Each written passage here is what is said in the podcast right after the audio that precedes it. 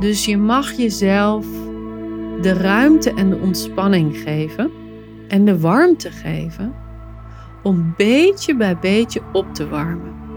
En dat vraagt dus dat je ontzettend veel veiligheid inbouwt om stukje voor stukje iets toe te laten.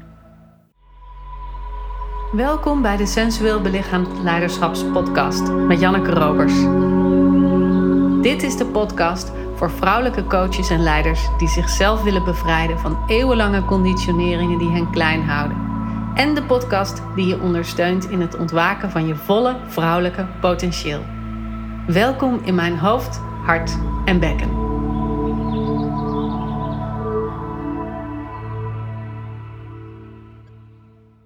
Als we het hebben over sensueel belichaamd leiderschap, dan hebben we het over aliveness, over levenslust, over stromende energie en over oké zijn met alle gevoelens en alle emoties die er in je lijf aanwezig zijn.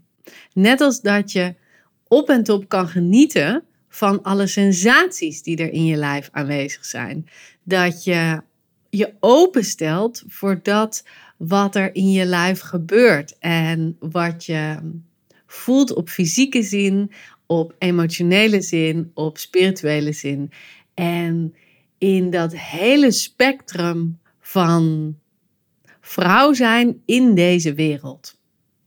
En wat ik veel merk, is dat vrouwen die bij mij komen, of te veel aan emoties ervaren en echt helemaal overdonderd worden door hun emoties, alsof ze op een emotionele rollercoaster zitten.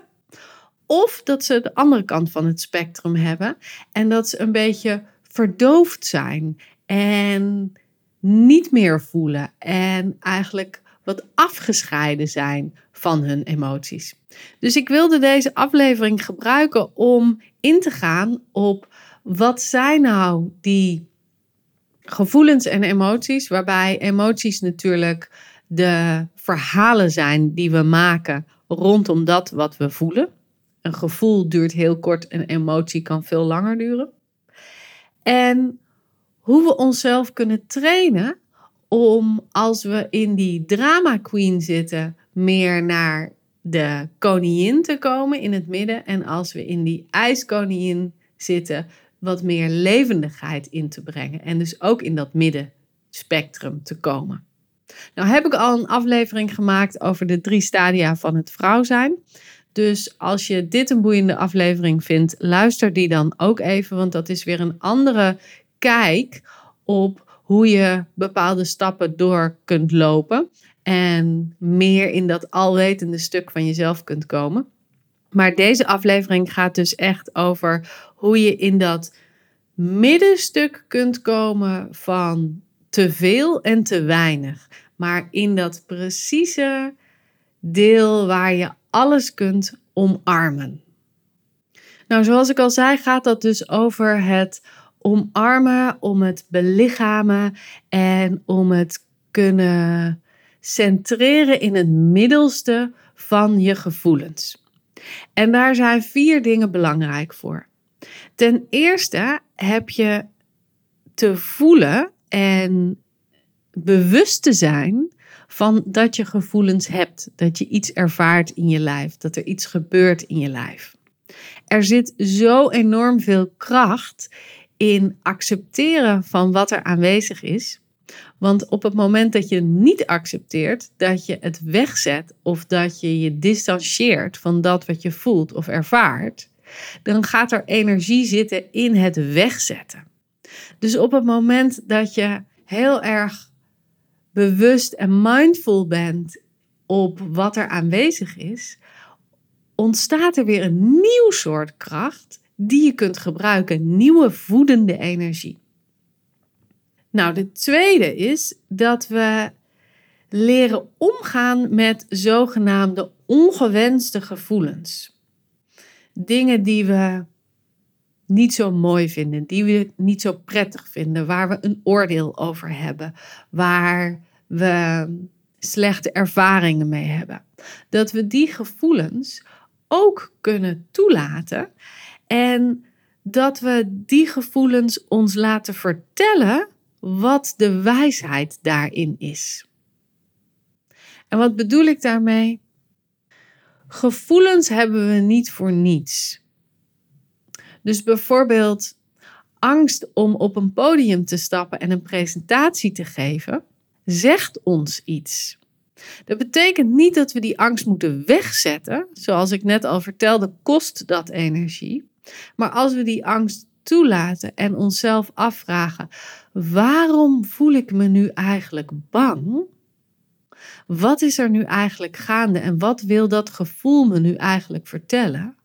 Nou, misschien wil het je wel vertellen dat je niet af wil gaan voor een grote groep mensen. Of misschien wil het je wel vertellen dat jij het idee hebt dat je een andere mening hebt en dat je daardoor buitengesloten wordt. Of dat mensen raar naar je zullen kijken. En al die gevoelens die naar boven kunnen komen rondom het verbinden met andere mensen. En dat is een hele functionele wijsheid om jezelf voor te openen. Want dan kun je er iets mee doen. Op het moment dat je alleen maar angst voelt, dan sterf je 10.000 doden. Maar als je voelt, oh, ik ben bang. En ik ben bang om uitgesloten te worden. Oh, hoe zou ik me nou eigenlijk kunnen verbinden? Ah, misschien doe ik dat wel door even aan te kijken naar wie er op de eerste rij zit en een vette glimlach te ontvangen, bij wijze van spreken. Ik noem maar wat. Dus leer om die ongewenste gevoelens uit te vragen op wat ze nu eigenlijk betekenen en wat ze nu je eigenlijk willen vertellen. Zodat je niet meer in gevecht met ze hoeft te zijn, maar dat ze je informatie kunnen geven.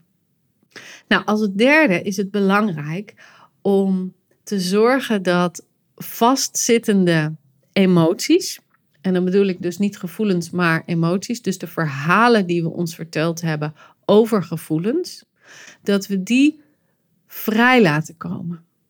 Dus dat we blokkades, verkrampingen, niet doorleefde gevoelens, dat we die de ruimte geven om door ons lijf weer te kunnen gaan stromen. Want alles waar een blokkade zit, daar zul je merken dat je in je leven ook last van hebt. Dus bijvoorbeeld, om iets te noemen, om bij die presentatie te blijven. Je hebt ooit een presentatie gegeven. Je hebt je verslikt in je woorden.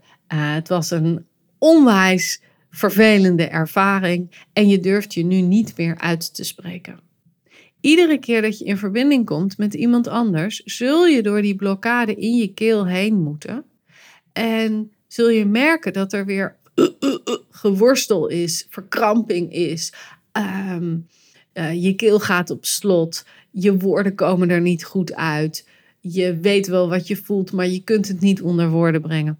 Al die dingen gebeuren omdat er ooit een blokkade is gezet in je keel en je daar steeds weer haperend langs gaat. Dus op het moment dat je die emoties vrijgeeft, dat je daar oefeningen op doet of heling op doet of begeleiding op vraagt en daar ruimte maakt, kan het beter stromen. Super belangrijk.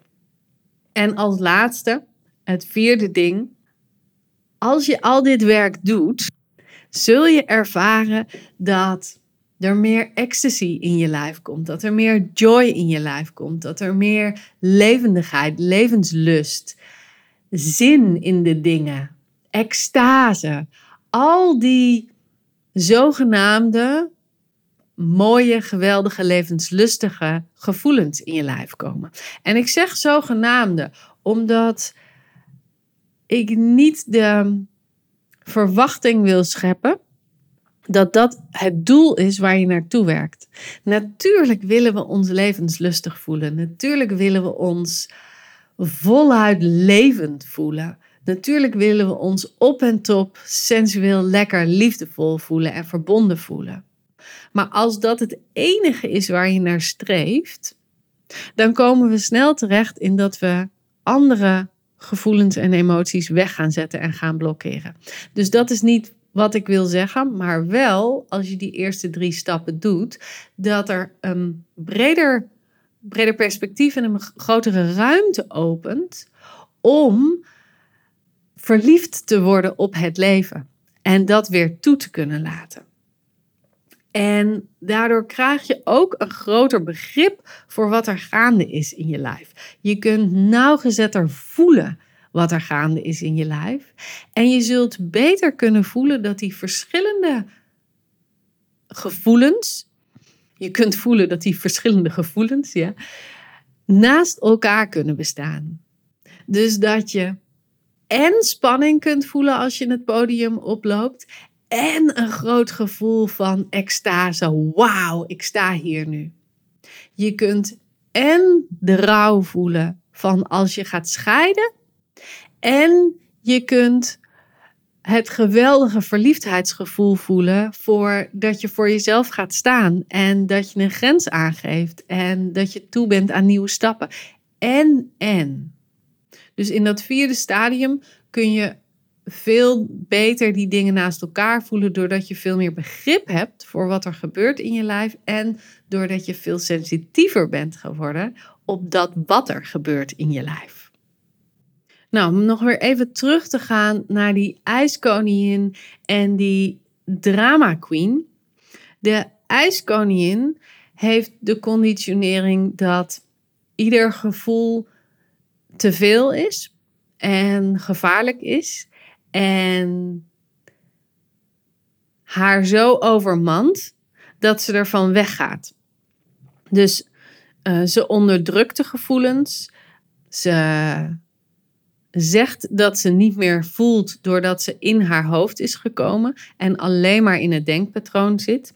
Ze probeert de gevoelens te controleren. Ze probeert haar omgeving heel erg te controleren. Ze probeert afstand te nemen van dat wat er gebeurt. En de ijskoningin distancieert zich ook heel goed van dat wat ze voelt, dat wat ze ervaart, dat wat er om haar heen gebeurt, met de mensen om haar heen en met haar sensaties, dus ook uh, van haar sensualiteit. De drama queen, die zakt daar juist heel erg in die is het slachtoffer van alles wat er overkomt, van al die emoties, van al die gevoelens, van ze is de slachtoffer van haar omgeving omdat ze alles voelt van andere mensen. En ze lijdt daar ook daadwerkelijk onder. Er gebeurt zo ontzettend veel dat ze helemaal niet meer precies kan voelen wat er nu is. Omdat het een soort van overstroming is aan input, aan sensaties, aan gevoelens, aan van alles en nog wat. Zodat ze niet meer de heldere wijsheid uit die gevoelens kan halen.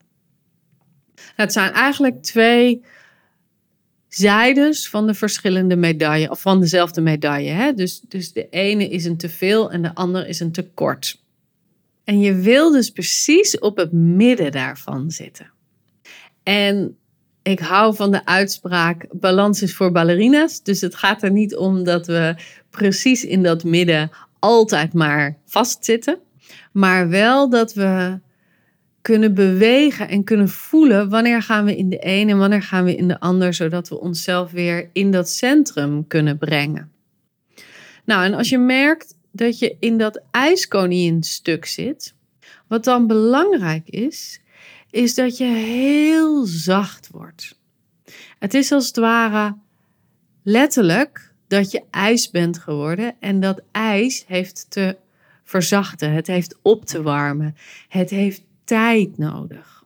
Dus je mag jezelf de ruimte en de ontspanning geven en de warmte geven om beetje bij beetje op te warmen. En dat vraagt dus dat je ontzettend veel veiligheid inbouwt om stukje voor stukje iets toe te laten. Dus natuurlijk een reactie uit onveiligheid. Hè? Dit zijn allemaal traumareacties die we doen. En die zijn op een bepaald moment heel nuttig geweest. Maar nu, nu we weer terug willen naar die aliveness, naar die levenslust, naar die sensualiteit, hebben we iets anders te doen. En hebben we dus meer veiligheid in te bouwen in ons eigen lijf, in onze omgeving, in onze relaties en in onze verbinding met onze gevoelens. Die drama queen, die heeft juist mindfulness te cultiveren. Dus die heeft zich bewust te zijn van dat ze haar emoties niet is, maar dat een gevoel door haar heen stroomt. Dus je kan zeggen: Ik ben boos of ik ben aan het bozen. Dan ben je dus niet meer die emotie, je bent niet meer dat waar je in zit, maar je doet een handeling. En daarmee breng je wat ruimte aan tussen jou en dat wat je als het ware tussen aanhalingstekens overkomt. Het is ook heel belangrijk voor de drama queen om te realiseren: ik ben ik en jij ben jij. Ik hoef niet alles aan te nemen van de buitenwereld. Ik hoef niet overal in te stappen. Ik hoef niet mee te gaan met het verhaal van de buurman, zijn vriend, zijn over, uh, overgrootvader en die die lijden. Nee, ik ben ik en daarbuiten staan een heleboel andere mensen met hun eigen gevoelens en ervaringen. Dus het geldt zowel voor je eigen gevoelens als dat wat je denkt op te pikken van de buitenwereld. Ik zeg denk, want daar vind ik een nuance in dat heel veel mensen die. Ik moet even zuchten. Um, want ik vind dit altijd zo'n. Uh, best wel een ding. Um, we hebben zo dat hokje gemaakt van hoogsensitief. Heb ik ook een aflevering over gemaakt. Ga die even luisteren als je dit een interessant onderwerp vindt. En mensen die super gevoelig zijn, hebben het idee dat ze heel veel oppikken van de buitenwereld. Natuurlijk resoneren we met de buitenwereld. Dat is absoluut waar. We zijn allemaal trilling, dus we pikken ook trillingen op van de buitenwereld. Maar dat wat je voelt in je eigen lijf, is vaak een eigen gevoel dat getriggerd wordt door die vibratie van buiten. Dus wees je bewust als je in die drama queen zit, wat van jou is en wat van de ander is. En daardoor hoef je niet meer te geloven in het verhaal, in het pijnlijke verhaal, dat de emotie overwhelmend is. En je kunt je weer uitlijnen met je ware essentie, met je echte zelf, met je innerlijke stroming en je innerlijke wijsheid. En weer voelen wat er daadwerkelijk te voelen is. En dat is ook waar ik mee wil afronden, is dat ieder gevoel is heilig. Ieder gevoel, dus niet iedere emotie, niet ieder verhaal, maar ieder gevoel is heilig. Omdat jouw lijf een tempel is en dat is een beetje een soort van, ja, zo'n zo'n magazine-uitspraak. Je lijf is een tempel. Maar als we het zo kunnen zien dat we hier zijn gekomen met dit lijf, met dit lichaam. En als dat lichaam anders had moeten zijn, dan hadden we dat wel gekregen. Dan waren we wel een blob geweest. Hè? Een, een blob had veel beter kunnen stromen door deze wereld. Maar we hebben nou eenmaal dit lijf met deze handen en benen en ogen en sensaties en huid en ervaringen. Dus dit lijf is een heilig lijf. En alles wat daarin gebeurt is ook heilig. En als we daar zo mee omgaan, kunnen we een goddelijke relatie opbouwen met ons lijf en met alles wat daarin gebeurt. En kunnen we de wijsheid daaruit helemaal tot ons nemen. Zodat we niet overmand worden of overvrouwd worden door al onze gevoelens. Dat we er niet van weg hoeven te blijven, dat we het niet weg hoeven te zetten, maar dat we vol in dat centrum van onze gevoelens kunnen zijn. En dus ook de volle grootte en de volle levenslust van die gevoelens tot ons kunnen nemen. en dus voluit aanwezig kunnen zijn. Nou, dat was mijn visie op hoe we omgaan met emoties, wat er gebeurt in mensen en een beetje gekaderd in, in een driedeling. Een driedeling is natuurlijk een beetje kortzichtig. Er zijn allerlei variaties. Maar ik wilde je juist deze heldere opdeling geven, omdat je dan kan zien voor jezelf: oh, waar beweeg ik nu naartoe? En wat heb ik dus nu nodig? Heb ik het nu nodig om zacht te zijn, om warmte en veiligheid toe te voegen, om rust toe te voegen en de tijd te nemen?